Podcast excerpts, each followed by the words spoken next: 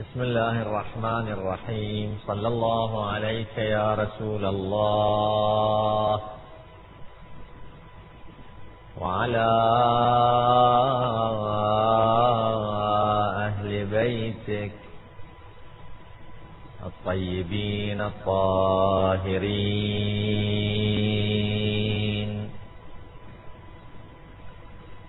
المعصومين المظلومين. لعن الله الظالمين لكم من الأولين والآخرين.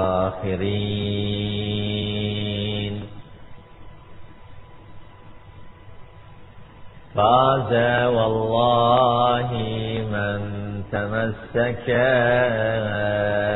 بكم وأمن من لجأ إليكم. صلى الله عليك يا مولاي يا أبا عبد الله يا مصباح الهدى وسفينة النجاة. يا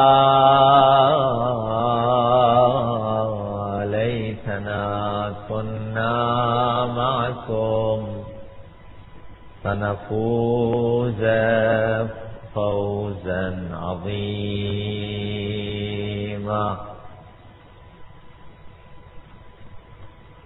قال إمامنا وسيدنا الحسن العسكري.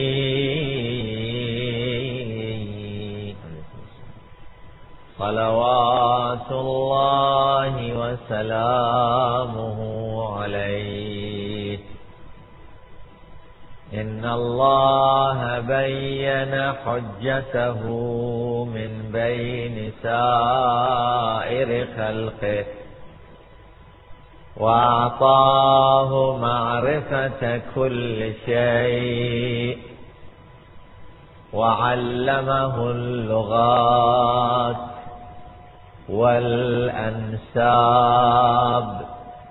والحوادث.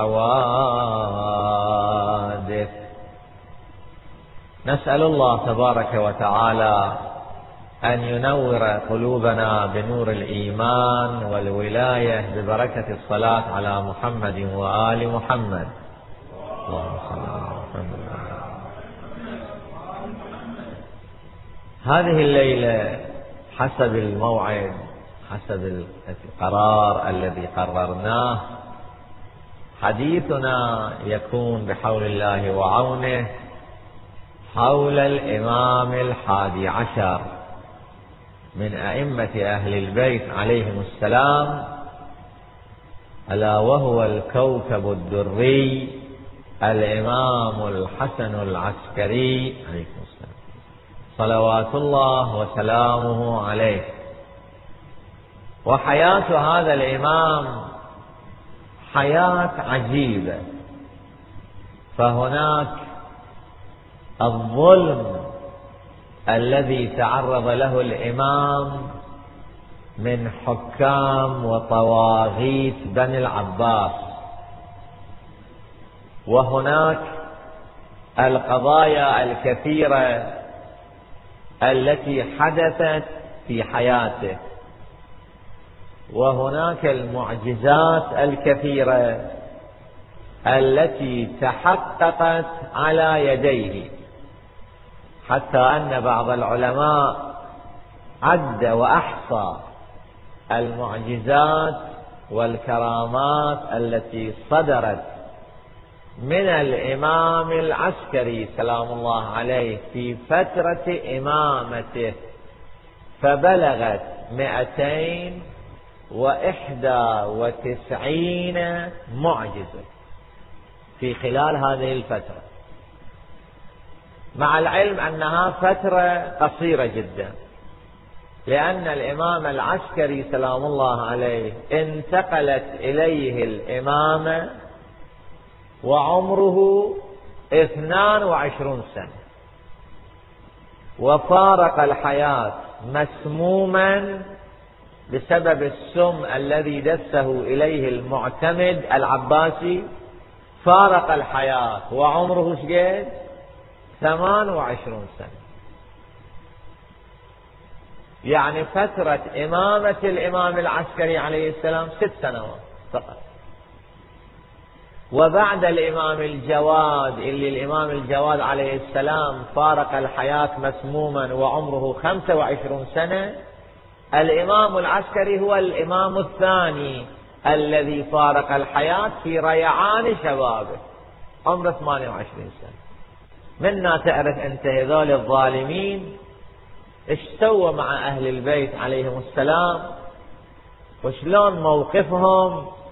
كان موقف إطفاء نور الله تعالى محاولة إطفاء نور الله تعالى فكانوا يتشبثون بمختلف الوسائل من أجل القضاء على نور أهل البيت عليهم السلام. ولكن هيهات صحيح أنهم دسوا السم إلى الأئمة شردوهم ظلموهم لاحقوهم قتلوهم.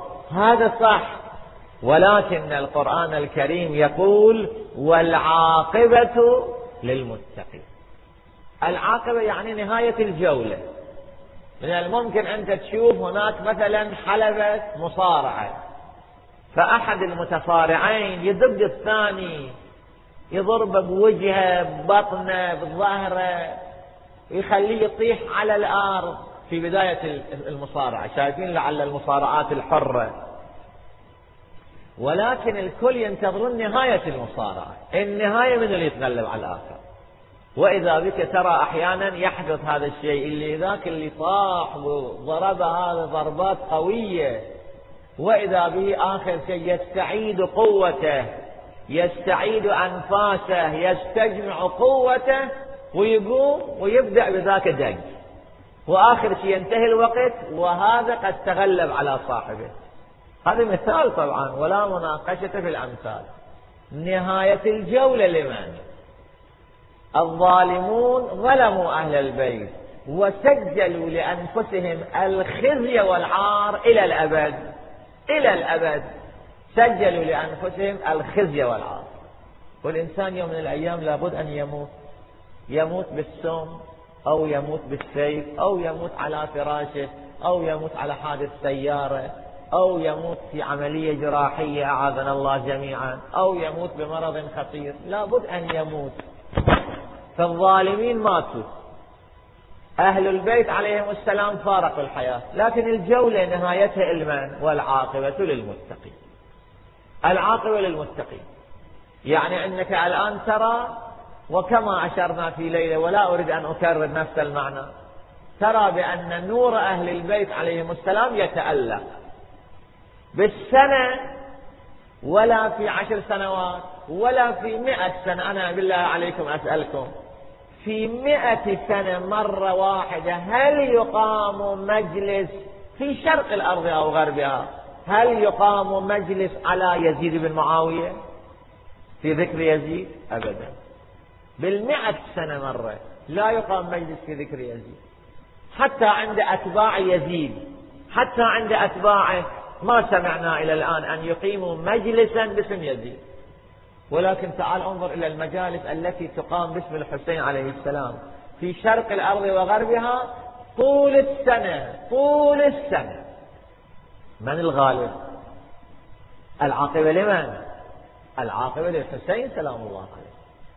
ولذلك يقول الشاعر ظنوا بأن قتل الحسين يزيدهم لكنما قتل الحسين يزيد. الحقيقة الحسين قتل يزيد. يزيد من يوم اللي ارتكب هذه الجناية وهذه الجريمة إلى هذا اليوم. أنا عاجز عن استيعاب هذا المعنى. أن يزيد خلال هاي الفترة من يوم عاشوراء إلى اليوم كم مليارد مليارد مرة حصل اللعنة كم مليارد مرة حصل اللعنة أنا لا أستطيع أن أستوعب. الله يعلم. من أول يوم إلى هذا اليوم إيش قد لعنوا يزيد؟ وإلى اليوم يلعنوه زيارة عاشوراء باليوم كم مليون واحد يقرأ زيارة عاشوراء؟ كم مليون؟ أنا أعرف أفراد كل يوم يزورون الحسين عليه السلام بزيارة عاشوراء. كل يوم. تعال شوف زيارة عاشوراء كم مرة فيها اللعن لهؤلاء القتلة قتلة الحسين عليه السلام ومنهم يزيد بن معاوية. واللعن معناه الطرد عن الرحمة الإلهية. يزيد ليلا ونهارا يحصل لعنة. ليلا ونهارا. شوف العاقبة للمتقين. فالإمام الحسن العسكري عليه السلام حياته محزنة مظلومية مقرونة في حياة الإمام عليه السلام. 28 سنة يقتلوه. طيلة ست سنوات بس مدة إمامة الإمام. ولكن هاي الفترة 291 معجزة تصدر للإمام عليه السلام. بعدين هذا قليل من كثير. لأنه هذا الشيء المكتوب في الكتب وتاريخ الإمام العسكري أيضا تاريخ مختصر ما وصل التاريخ بأيدينا كما ينبغي. لأن الإمام عاش في تلك الظروف الصعبة وهذيك الظروف ما كان أحد يسمح أنه يكتبون تاريخ الإمام. هالمقدار اللي وصل بأيدينا ولا شك ولا ريب أنه تاريخ مختصر. لذلك تشوف مثلا العلامة المجلسي أعلى الله مقامه. هذا اللي ألف كتاب بحار الأنوار. في جزء واحد. تاريخ ثلاثة من الأئمة المظلومين. الإمام الجواد والإمام الهادي والإمام العسكري. هل ثلاثة جمعهم في مجلد واحد؟ ماكو. ما وصل بأيدينا. إما لم يكتبوا وإما كتبوا وأحرقت الكتب وأتلفت وأبيدت. المهم هذا كلام ذو شجون وكلام محزن. الإمام العسكري عليه السلام كان عمره سنتين عندما استدعى المتوكل العباسي استدعى الإمام الهادي عليه السلام إلى المدينة. وما أعرف ما هو السر أن الإمام الهادي عليه السلام عندما طلع من المدينة إلى سامراء أخذ معه ولده الإمام العسكري اللي عمره سنتين. لا أدري ما هو السر. ولعل السر في ذلك لعل السبب أن المتوكل كان قد فرض على الإمام هذا الشيء قد فرض عليه أنه يجيب وياه أهله كلهم يجيبهم وياه. فالإمام جاب أهله وياه. بينما بعض الأئمة هذول بروحهم كانوا يرحون في الإبعاد. عندما مثلا أفضل الإمام الرضا راح إلى خراسان بروحه راح الإمام. ما أخذ لا أهله وياه لا أولاده لا عياله.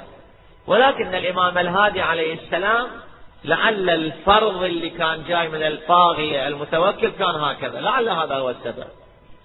ومن الواضح أن الإمام الهادي عليه السلام ما يأخذ ابنه بروحه السنتين لطفل طفل عمره سنتين. ما يأخذ بروحه لابد أمه مثلا وياه. والدة الإمام العسكري سلام الله عليها السيدة سوسن أم الإمام العسكري. فلعلها كانت موجودة هناك.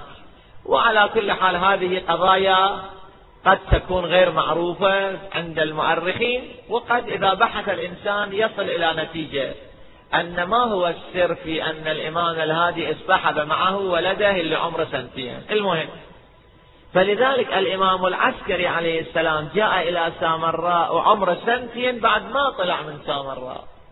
عاش تحت ظل أبيه إلى أن أبوه قتل مسموما فارق الحياة.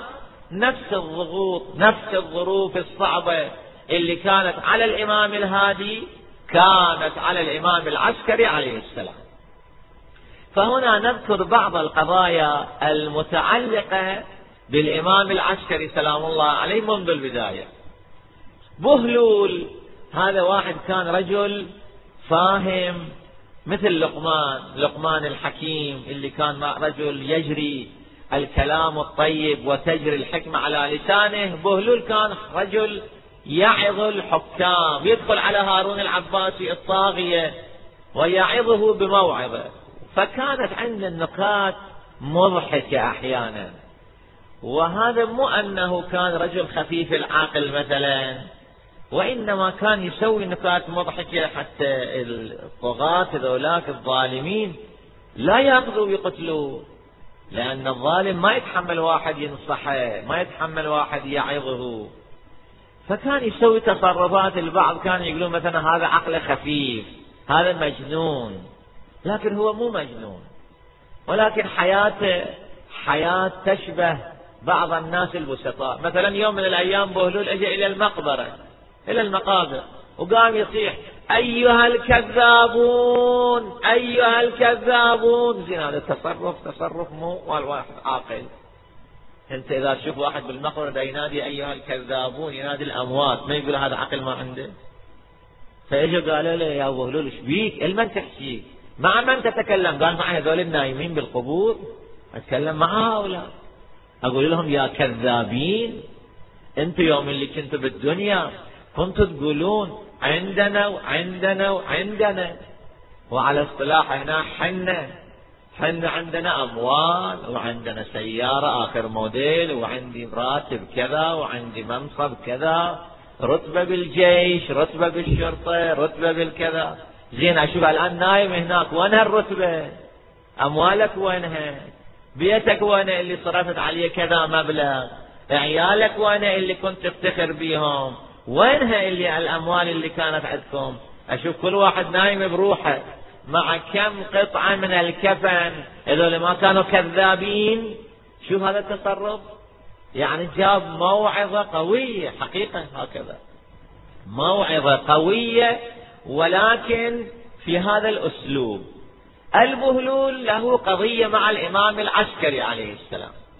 يوم من الأيام يمر يشوف الإمام سلام الله عليه في مرحلة الطفولة ولا يعرف الإمام. يشوف واقف الإمام وهو صبي والأطفال يلعبون والإمام واقف يتفرج. فيأتي البهلول إلى الإمام العسكري يقول له أيها الصبي هل أشتري لك ما تلعب به؟ مع هؤلاء. هيك تصور هو. اللي هذول يلعبون مثلا بلعبة معينة هذا ما عنده. فما يلعبوا ما يسمحوا له أن يدخل معهم. فيقول التفت إليه الإمام عليه السلام وقال له ما للعب خلقنا. ما للعب خلقنا. فقال بهلول فلماذا خلقنا؟ فقال عليه السلام للعلم والعبادة. فقال ومن أين أخذت هذا؟ فقال الإمام عليه السلام عليكم السلام. قال الإمام عليه السلام من قوله تعالى أفحسبتم أنما خلقناكم عبثا وأنكم إلينا لا ترجعون؟ شوف هذا اللي يتربى في بيت الإمام الهادي الذي يتربى في بيت الإمامة أطفالهم يكونوا هكذا طفلهم هكذا يفكر يقول الله ما خلقنا للعب أفحسبتم أنما خلقناكم عبثا وأنكم إلينا لا ترجعون؟ فالبهلول يقول له يا صبي أنت طفل لا ذنب لك. أنت اللي تفكر هكذا؟ تخاف من الله تعالى. فيقول في جوابه إني أرى والدتي عندما تريد أن توقد النار تحت القدر تضع قطعا من الحطب الكبار ثم تأخذ قطعا من الحطب الصغار وتشعل النار فيها فتجعلها تحت القدر. تأخذ قطع صغار من الحطب تشعل النار فيها بعدين هاي القطع الصغار تخليها عند القطع الكبار من الحطب فيضطرب النار في الحطب. وأخشى أن أكون من القطع الصغار في نار جهنم. هذا الفكر يا إخوة هذا الإنسان الذي يفكر هكذا. بالله عليكم هل تدعوه نفسه يوما من الأيام أن يرتكب ذنبا؟ لا. أمير المؤمنين يقول سلام الله عليه شغل من الجنة والنار أمامه. شغل من الجنة والنار أمامه. النار أمام عينه. إذا نفسه دعته إلى المعصية النار دا يشوفها. إذا نفسه دعته إلى الطاعة الجنة يشوفها. نعم الجنة يشوفها فتدعوه نفسه إلى الطاعة. النار يشوفها فتدعوه نفسه إلى ترك المعصية. نعم. عندما يقرأ القرآن المؤمن يمر على آيات العذاب كأنه يسمع بصوته صوت الزفير جهنم. الزفير صوت اللهب. تشوفون إذا مكان يصير حريق لا سمح الله شلون صوت إله هذا يسموه زفير. زفير جهنم. إذا بعد نعوذ بالله إذاك الصوت صوت زفير جهنم أشد من أصوات الرعد والبرق. هذا في أذن الإنسان. فكيف تدعوه نفسه إلى المعصية؟ لذلك تشوف يتجنب الإنسان معصية الله النار أمام عينه. ولكن أحيانا نعوذ بالله يجي الغطاء يسكر على العين. السكران ليش يسموه السكران؟ السكر شنو هو معناه؟ غطاء يجي على هذا العقل يسكر عليه. الخمر تكرمون أجلكم الله. الخمر ليش يسموها خمر؟ أساسا الخمر هذه الكلمة مشتقة من من الخمار. الخمار يعني الستر ولذلك المرأة المتحجبة هاي تلبس الخمار يعني تلبس المقنعة القناع. نعم. وليضربن بخمرهن على جيوبهن. خمر جمع خمار لأنه يستر. الخمر يسموها خمر لأنها تستر العقل تغطي على العقل ولكن ليس فقط الخمر هي التي تغطي على العقل. أمير المؤمنين سلام الله عليه يقول في حديث له السكر في أربعة وحدة منها الخمر اللي تغطي على العقل واحدة من الأمور اللي تغطي على العقل وعلى القلب وعلى العين حب الدنيا. واحدة منها حب الرئاسة. نعم. حب الدنيا. ملعون ملعون من عبد الدينار والدرهم. انت شايف إلى الآن واحد يخلي الدينار قدامه ويوقف يصلي للدينار. شايف أحد يخلي الأموال أمامه ويعبد الأموال. هل سمعتم؟ هل قرأتم؟ هل عرفتم؟ أن واحد يخلي الأموال أمامه يقول أمام الدينار الله أكبر يصلي للدينار. ماكو هكذا شيء. ماكو أحد يعبد الدينار. فهذا كناية يعني ذاك الذي الدينار يغطي على عقله على دينه على كل ما يريد من أجل الدينار. ملعون ملعون من عبد الدينار والدرهم. هذولاك الظالمين العباسيين في أيام الأئمة هكذا كانوا. يعلمون أن الإمام العسكري هو الإمام هو حجة الله. ولكن سكر عندهم سكر الدنيا سكر الرئاسة. لذلك كانت تصير محن تصير فتن تنسد الأبواب في وجوههم يلجؤون إلى الأئمة. كل الأئمة هكذا إحنا نقرأ في حياتهم عندما كانت الأبواب تنسد في وجوه الظالمين يجون إلى الأئمة. في أيام الإمام العسكري عليه السلام سنة من السنوات في سامراء صارت مجاعة. أمطار ما نزلت. صارت مجاعة. الإمام العسكري بأبي هو وأمي كان محبوسا في سجن الطاغية المعتمد العباسي. هذا الحاكم الخامس عشر من بني العباس. الخامس عشر المعتمد. كان مسجون الإمام العسكري. ثلاث أيام أمر الحاكم المعتمد أمر الناس بالخروج إلى الصحراء والإتيان بصلاة الاستسقاء.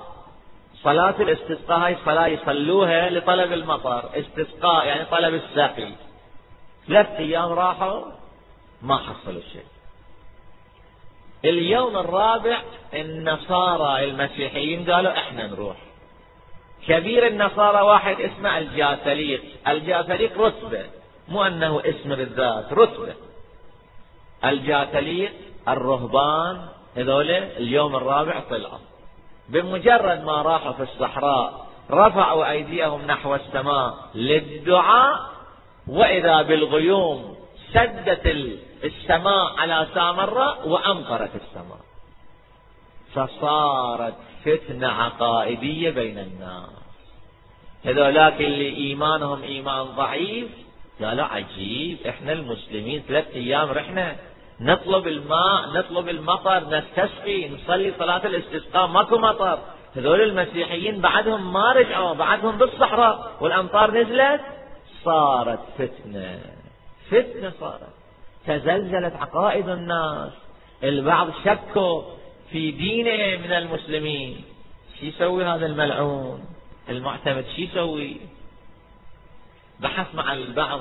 أنه شلون يصير هذول المسيحيين هكذا الله يستجاب دعاهم؟ قالوا إحنا ما عندنا أي حل سوى أنك تبعث إلى الحسن بن علي الإمام العسكري عليه السلام. الإمام وين كان؟ بالسجن محبوس. قال روح طلعوه من السجن. واسألوا منه؟ شنو الموضوع؟ شنو الحال شو نسوي؟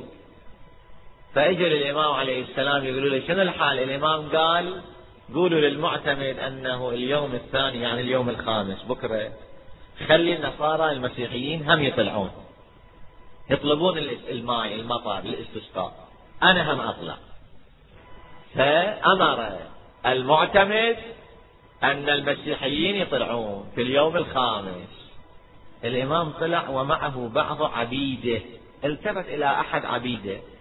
قال له أنت روح راقب الجاسليق هذا كبير النصارى.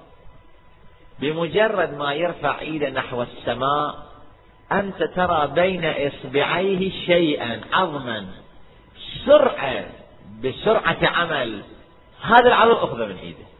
وجيب العظم زين.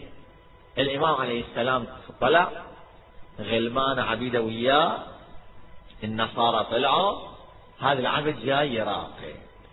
يراقب الجاسليق بهدوء. شاف نعم كلهم هذول الرهبان اصطفوا. رفع الجاسليق يده. بمجرد ما رفع يده الغيوم ملأت فضاء المدينة. ملأت سماء مدينة سامراء. ولكن هذا اجى بالسرعة أخذ عظما كان العظم بين إصبعي هذا الجاسليق بمجرد ما أخذ العظم وإذا بالسحب تقشعت. وصارت السماء ضاحية. ما أكو لا غيوم لا سحاب الآن امتلأت السماء بالغيوم وإلى وإذا بخلال دق دقائق معدودة كل الغيوم تفرقت. كل ما رفعوا أيديهم بالدعاء شافوا ماكو استجابة. فهنا المعتمد العباسي يسأل من الإمام أنه شنو هذا العظم؟ ما هو هذا السر؟ الإمام عليه السلام قال هذا الرجل الجاثليق ذات يوم مر على قبر نبي من الأنبياء. هذا القبر قبر قديم جدا. لعل مئات السنوات صاحب القبر ميت مدفون وكان القبر قد خرب وظهر ظهرت عظام ذلك النبي. فهذا أخذ قطعة من العظم. الله تبارك وتعالى احتراما لعظم النبي ما كشف تحت السماء. عن عظم نبي يقول الإمام عليه السلام بهذا العمل أعاد إلى المسلمين. ذلك الضعف وتلك الفتنة تقشعت والذين كانوا قد تزلزلوا في عقيدتهم الإمام أعادهم عرف أن هذا كانت مكيدة في الحقيقة أو كان في سر من الأسرار. لا أن الجافليق له مكان عند الله تعالى بحيث أن الله استجاب دعاء يوم من الأيام وصل الخبر إلى الإمام بأنه أكو واحد اسمه إسحاق الكندي. هذا واحد فيلسوف من أهل الفلسفة والفلسفة كثيرا ما تجر الإنسان إلى الانحراف.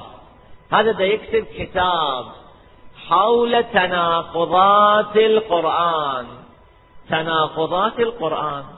مجمع آيات بالقرآن يقول هاي الآيات متناقضة بعضها مع بعض. ده يسوي كتاب. زين هذا الكتاب لو نشر بين الناس أيضا راح يزلزل العقائد. القرآن كتاب محترم عند المسلمين جميعا. نعم. ويثقون بهذا الكتاب يحترمون هذا الكتاب يقدسونه. وإذا هم أكو مثلا بعض الأقوال التي تمس بكرامة القرآن الكريم. هذه الأقوال تشوفون أنها لا يؤخذ بها حتى لو كانت مذكورة في الكتب. هذول النواصب يهرجون ضد الشيعة أن الشيعة يقولون بتحريف القرآن. يهرجون ضد الشيعة. يقول اللي بيته من زجاج لا يرمي الناس بالصخر ليش؟ لأنه بيته من زجاج. إذا صخرة واحدة أجت إلى بيته كله راح يتكسر. أولا هم في كتبهم عشرات الأحاديث الموجودة. التي يستفاد منها هذا المعنى ولكن نحن لا نؤمن بها. في كتبهم هم موجودة. إذا واحد مثلا يشكو من شيء في نفسه ما يروح يعير الآخر ما يروح يستهزئ بالآخر ما يروح يشمت بالآخر. هو موجود. فيه إذا واحد مصاب بمرض نعوذ بالله ما يروح يشمت بالآخر المصاب فرضا. هو مبتلى. إذا هذولاك يقولون في كتب الشيعة أكو أحاديث يستفاد منها تحريف القرآن إحنا نقول أضعافها موجودة في كتبكم. حتى في صحيح البخاري أكو هكذا أحاديث. ولست الآن في مقام البحث عن هذا المعنى لأنه هذا بحاجة إلى محاضرة كاملة وأكثر من محاضرة. ولكن في كتبكم أيضا أكثر. هذا أولا. ثانيا أنتم شو تقولون؟ شنو تجاوبون عن تلك الأحاديث؟ إما تقولون أنها ضعيفة أو تقولون نسخ تلاوة أو ما شابه ذلك من هالكلمات. يعني بالنتيجة ما تأخذون بهاي الأحاديث. الشيعة أيضا نفس الشيء. الشيعة أيضا لا يأخذون بهذه الأحاديث. الشيعة يعلمون أن أفراد كذبوا على الأئمة. الشيعة يعلمون بأن أحاديث مدسوسة ولذلك إحنا عندنا أحاديث ضعيفة بكثرة. ثم لو صحت بعض الأحاديث فهذه قد مزجت بين التفسير والتنزيل. بين التفسير والتنزيل. يعني عندما مثلا الوحي ينزل على رسول الله صلى الله عليه وآله يقول يا أيها الرسول بلغ ما أنزل إليك. جبرائيل يقول للنبي ما أنزل إليك في علي. يعني أن توجه الناس نحو علي سلام الله عليه. فصار مزج بين التفسير والتنزيل. أو بين التنزيل والتأويل. وذاك اليوم عندما كانوا يكتبون القرآن أو يكتبون الكتب ما كانوا يخلون قوس. يفتحون قوس للكلام بعدين يسدون القوس. مثل جملة معترضة. هاي العوامل عوامل التنقيط اليوم معروفة. ذاك اليوم ما كانت معروفة. فصار مزج بين التفسير والتأويل. شنو المانع؟ شلون أنتم تقولون نسخ التلاوة؟ وتتمسكون بهذا العذر. نحن عندما نقول مزج بين التفسير والتأويل ما تقبلون عندنا؟ زين. وثالثا نحن الشيعة عندما نعتقد بهذا القرآن الكريم نعتقد به نتمسك به الآن في مساجدنا في حسينياتنا في بيوتنا عندما نقرأ القرآن يا قرآن نقرأ هو هذا القرآن الموجود هو هذا دليل على الاعتبار والاعتقاد بهذا القرآن. نعم. ولكن تشوف هذول النواصب في غفلة عن أن العدو عدو المسلمين أعداء المسلمين هذول ينتهزون الفرصة وأحلى فرصة عندهم هاي الفرصة أنه يقولون المسلمين يتهمون المسيحيين يتهمون اليهود التوراة محرفة الإنجيل محرفة هم بروحهم دا يقولون القرآن محرف. أنا رأيت كتاب صدر للمسيحيين حول هاي النقطة. ضد القرآن ولكن شلون ضد القرآن؟ يتمسك بكلام هذول النواصب.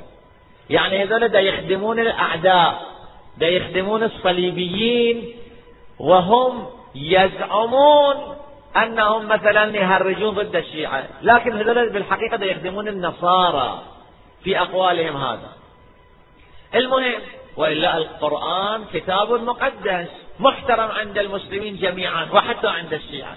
وتسمع الخطباء على المنابر يستدلون بالقرآن الكريم آيات القرآن يستدلون بها يفتتحون بها الكلام. فهذا رجل اسمه إسحاق الكندي في أيام الإمام العسكري ده يكتب كتاب حول تناقضات القرآن. أكيد هذا أصل كان من هذولاك المنحرفين اللي الآن أولادهم وأبنائهم هذول النواصب. زين هذا الكتاب إذا انتشر بين الناس عقائد هذول الضعفاء ضعفاء الإيمان تتزلزل بالنسبة للقرآن. زين أنت إذا القرآن ضعفت القرآن بعد شنو يبقى لك؟ شنو يبقى لك من كتاب؟ إذا القرآن العظيم قلنا هذا فيه ما فيه إذا شنو يبقى؟ أي كتاب مقدس يكون عندنا؟ أي كتاب معتبر يكون عندنا؟ الإمام العسكري روحي له الفداء بخطة جدا حكيمة وجيدة استطاع أن يقضي على هذا الكتاب. ولكن شلون؟ الإمام شاف واحد من أصحابه. قال له أنت روح تحضر روح احضر درس هذا الرجل إسحاق الكندي. روح احضر درس يوم يومين ثلاث أيام تدريجيا تتصادق وياه تصير صديقه في يوم من الأيام سئله قل له أنا سامع أنت تكتب كتاب حول تناقضات القرآن برأيك. يقول لك إيه؟ قل له هذا التناقض الذي تبادر إلى ذهنك ألا تحتمل؟ احتمال.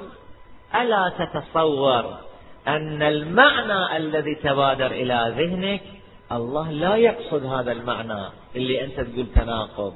وإنما الله قصد معنى آخر. الله قصد معنى آخر. لا هذا المعنى. ما تتوقع هذا الشيء. ما تحتمل ولو خمسة بالمية مثلا. بتعبيري أنا طبعا بتوضيح مني. فهذا الرجل راح إلى مجلس إسحاق الكندي. يوم يومين عدة أيام صار صديق وياه. يوم من الأيام نفس المعنى. يقول له أنت كاتب كتاب؟ نعم. فقال له هالكلام. قال ألا تحتمل أن الله قصد معنى غير ما فهمته أنت من الآية؟ بمجرد ما تكلم هذا الكلام إسحاق الكندي قال له أعد علي كلامك. مرة ثانية يقول لي أعاد عليه الكلام. شوي تفكر قال هذا كلام رفيع المستوى مو كلامك هذا. منو علمك؟ قل لي الحق منو معلمك هالكلام قال الحقيقة الإمام العسكري عليه السلام علمني هذا الكلام. قال كلام مضبوط. طبعا. من الممكن أنا أشوف هذا المعنى في الآية القرآنية؟ الله ما قصد هذا المعنى. إلى الآن تشوف المفسرين إذا يردون يكونوا محتاطين في تفسير القرآن. ما يقول أن الله قصد هذا المعنى في التفسير. وإنما مثلا يقول في هذه الآية أقوال. القول الأول الثاني الثالث. ما يتحمل المسؤولية. حذار حذار. إياك إياك أن تفسر القرآن برأيك. نعوذ بالله. من فسر القرآن برأيه فليتبوأ مقعده في نار جهنم. يتبوأ يعني فليختار مقعده في نار جهنم. يعني أنت في جهنم ذاك اللي يفسر القرآن برأيه. وين من جهنم تروح؟ القرآن مو شغل أي واحد. يفسر برأيه الآن مع الأسف أنا أسمع أحيانا هذول النواصب بعضهم نعوذ بالله على خلاف ما ذكر في كتبهم على خلاف ما ذكر في تفاسيرهم. يفسر القرآن. تفسير لم يقل به أحد من المفسرين. بس الهدف واحد هدف واحد أن يوخر الآية عن أهل البيت عليهم السلام. موجود الشريط عندي. سبحان الله. شوف العداء والبغضاء إلى أي درجة اللي يلعب بالقرآن. يفسر القرآن على خلاف ما فسره شيخه ومشايخه. على خلاف آراء السنة يفسر القرآن بالرأي بس. بس يريد هاي الآية ويبعدها عن أهل البيت. شوف الانحراف إلى أي درجة. فلا شك ولا ريب أن هؤلاء في قعر جهنم لأنهم يتلاعبون بكتاب الله تبارك وتعالى. بينما إحنا علماء نشوف تفاسيرنا على الأكثر سرد للأقوال. وأحيانا يذكر مثلا مؤيدات لهذا القول. هذا القول أقرب إلى الفهم. لهذا الدليل لهذا الدليل. هالمقدار أما تفسير بمعنى أن الله قصد هذا المعنى لا غير لا. أبدا لا يتجرأ أحد أن يقول ذلك. نعم. الذين نزل القرآن في بيوتهم الراسخون في العلم. اللي الإمام أمير المؤمنين سلام الله عليه روحي له الفداء. يقول أين الراسخون في العلم؟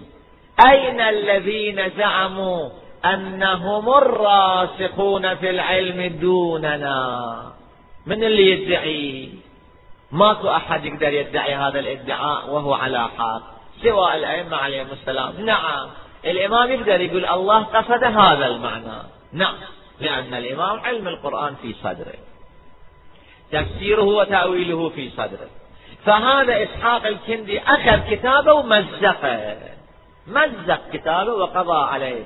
والإمام العسكري الله تعالى على يد الإمام العسكري عليه السلام خلص المسلمين من فتية من فتنة عمياء كادت أن تقع بينهم. نعم. فتشوف هذا الوجود المبارك. أقرأ هاي الرواية وأنا على آخر كلامي. الإمام له خادم هذا الخادم اسمه نصير. أبو حمزة نصير. إيش قريب هالاسم. هذا خادم للإمام العسكري سلام الله عليه. يقول الإمام كان عنده عبيد هذول العبيد من قوميات مختلفة. بعضهم من من من بلاد الترك. بعضهم من الصقالبة. الصقالبة ذاك اليوم كانت منطقة على خريطة اليوم تصير بالقرب من بلغاريا. وهالمناطق ولهم لغة خاصة. إلى عديد هذول من لغات وقوميات مختلفة. يقول نصير الخادم كنت أرى الإمام العسكري عليه السلام يتحدث معهم بلغتهم. فكنت أتعجب وأقول في نفسي سبحان الله هذا الرجل ولد في المدينة وثم جاء إلى سامراء وعاش بين الجدران. هاي بين الجدران كلمة مؤلمة. يعني كلها مضايقات تحت الرقابة الشديدة هذا الإمام عاش ويا أبوه ما شفته يروح إلى مكان يتعلم اللغة مثلا. هنا في سامراء عايش بين الجدران. فمن أين تعلم لغات هؤلاء؟ فيقول يوم من الأيام الإمام التفت إلي وقال هذه الكلمة. أولا الإمام أخبره عما حدث به نفسه. وهذا من علم الإمامة. ثانيا الإمام تكلم بكلام هذا الكلام إلي وإلك درس في الإمامة. لكل من يؤمن ومن كفر فعليه كفره. ما علي به. ما علينا بهم الإمام سلام الله عليه قال لهذا الخادم إن الله بين حجته من بين سائر خلقه. شوف التعبير. إن الله بين بين يعني أظهر بين حجته من بين سائر خلقه وأعطاه معرفة كل شيء. شوف معرفة كل شيء. وعلمه اللغات والأنساب والحوادث ولولا ذلك لم يكن فرق بين الحجة والمحجوج. هذا الكلام درس في الإمامة. يقول الله عندما انتخب حجة يكون من رب العالمين على الناس أجمعين. هذا لازم يكون أكو فرق بينه وبين الآخرين. يعني بين الناس المحجوجين لازم يكون فرق بينهما. وإلا إذا هذا حال حال الآخرين إذا شنو هذا حجة الله؟ حجة الله شنو امتيازه إن الله بين يعني ميز يعني أظهر حجته من بين سائر خلقه.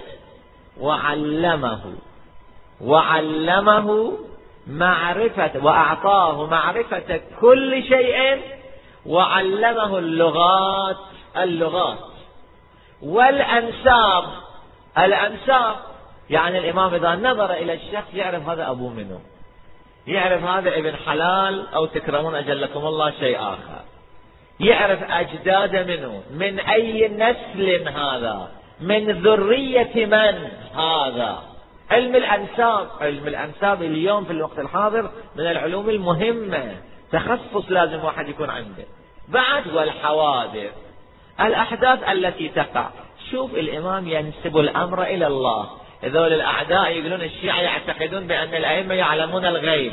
هنا أنت شوف في كلام الإمام الإمام يسند الأمر إلى الله تعالى.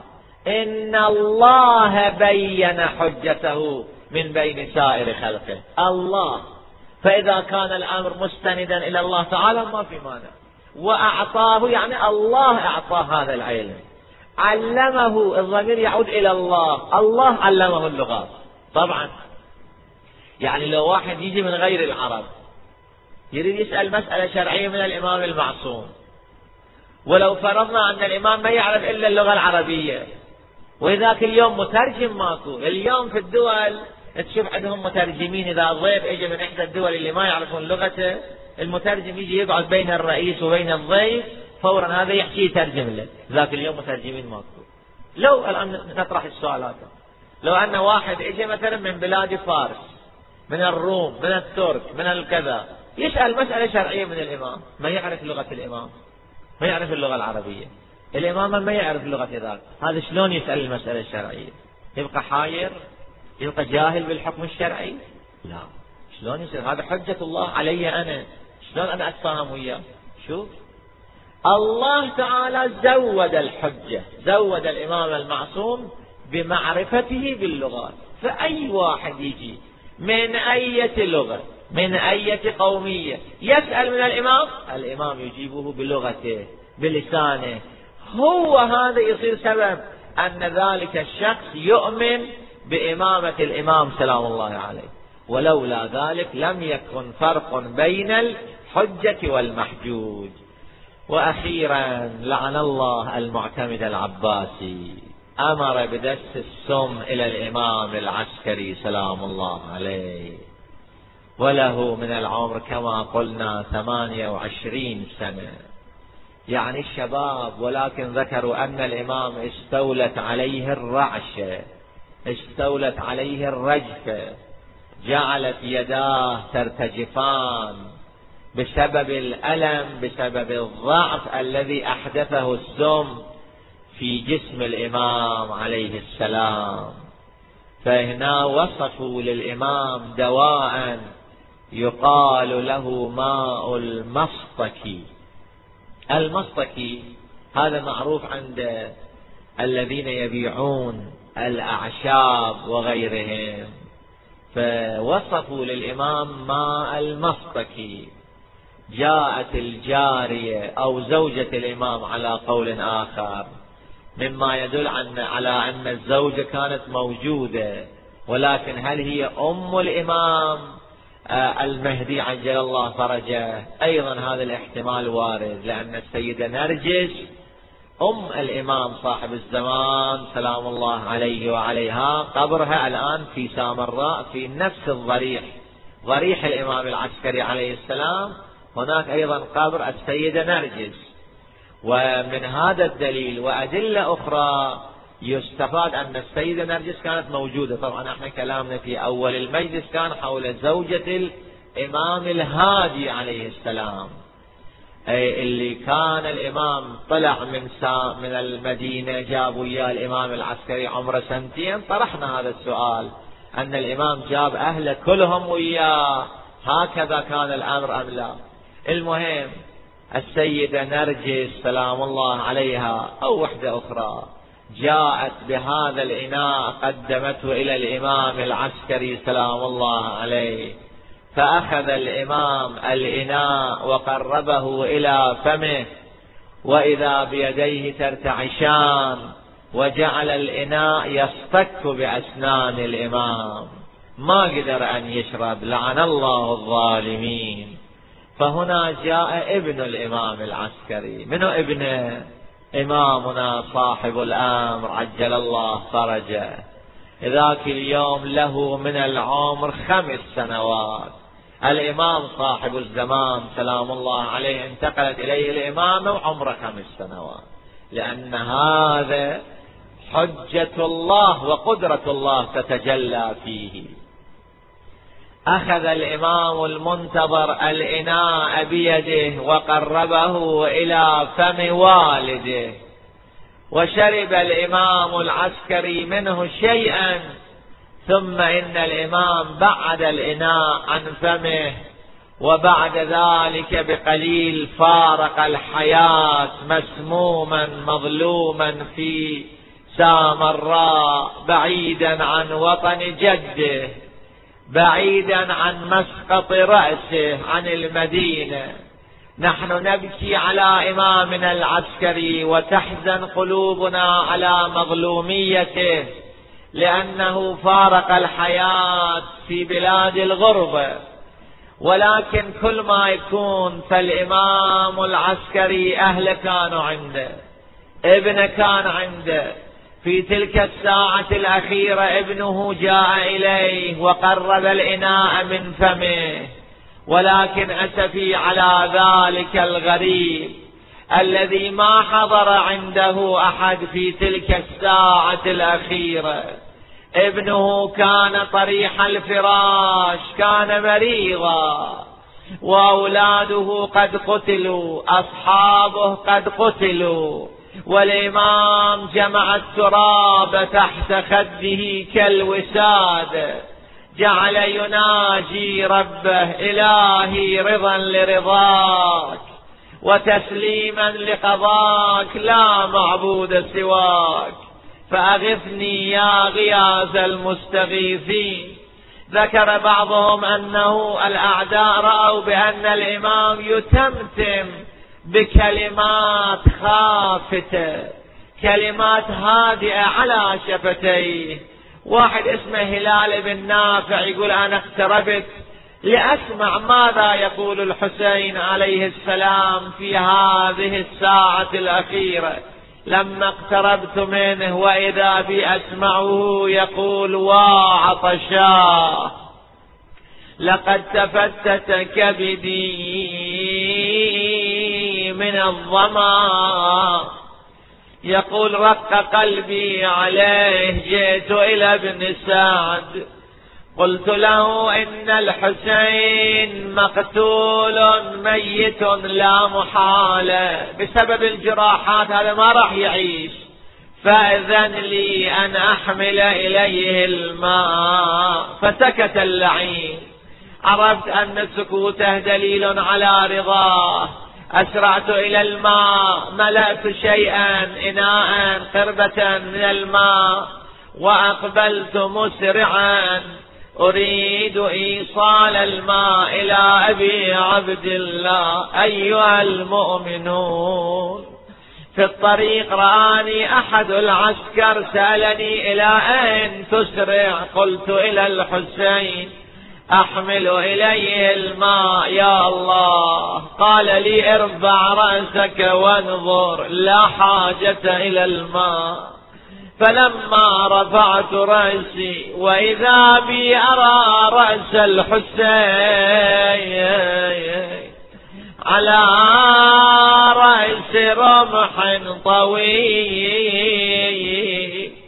ها أيقتل عطشانا ظمآنا حسين بكربلاء. وفي كل عضو من أنامله بحر. آه يا ناس درب المشرع منير. منين آنا قصدي أجيب الماي لحسين يا ويلي عطشان خي يا مسلمين بعدا لشطك يا فرات فمر لا تحلو. فإنك لا هني ولا مري ألا لعنة الله على الظالمين. وسيعلم الذين ظلموا أي منقلب ينقلبون. اللهم صل على محمد وآل محمد. نقسم عليك وندعوك بإمامنا الحسن العسكري وآبائه الطاهرين وأمهاته الطاهرات. وولده الإمام المعصوم المهدي المنتظر. اللهم عجل بحقهم في فرج مولانا صاحب الزمان. واجعلنا من أنصاره وأعوانه. اللهم اغفر بهم ذنوبنا واستر بهم عيوبنا وأد بهم ديوننا واقض بهم حوائجنا وأصلح كل فاسد من أمورنا واجعل عواقب أمورنا خيرا. اللهم اجعلنا في هذا الشهر من المرحومين ولا تجعلنا من المحرومين. اللهم اجعلنا من السعداء ولا تجعلنا من الأشقياء. تقبل هذا العزاء منا ومن المؤسسين والحاضرين. بأحسن القبول وابعث إلى أرواح المؤمنين والمؤمنات ثواب الفاتحة مع الصلوات.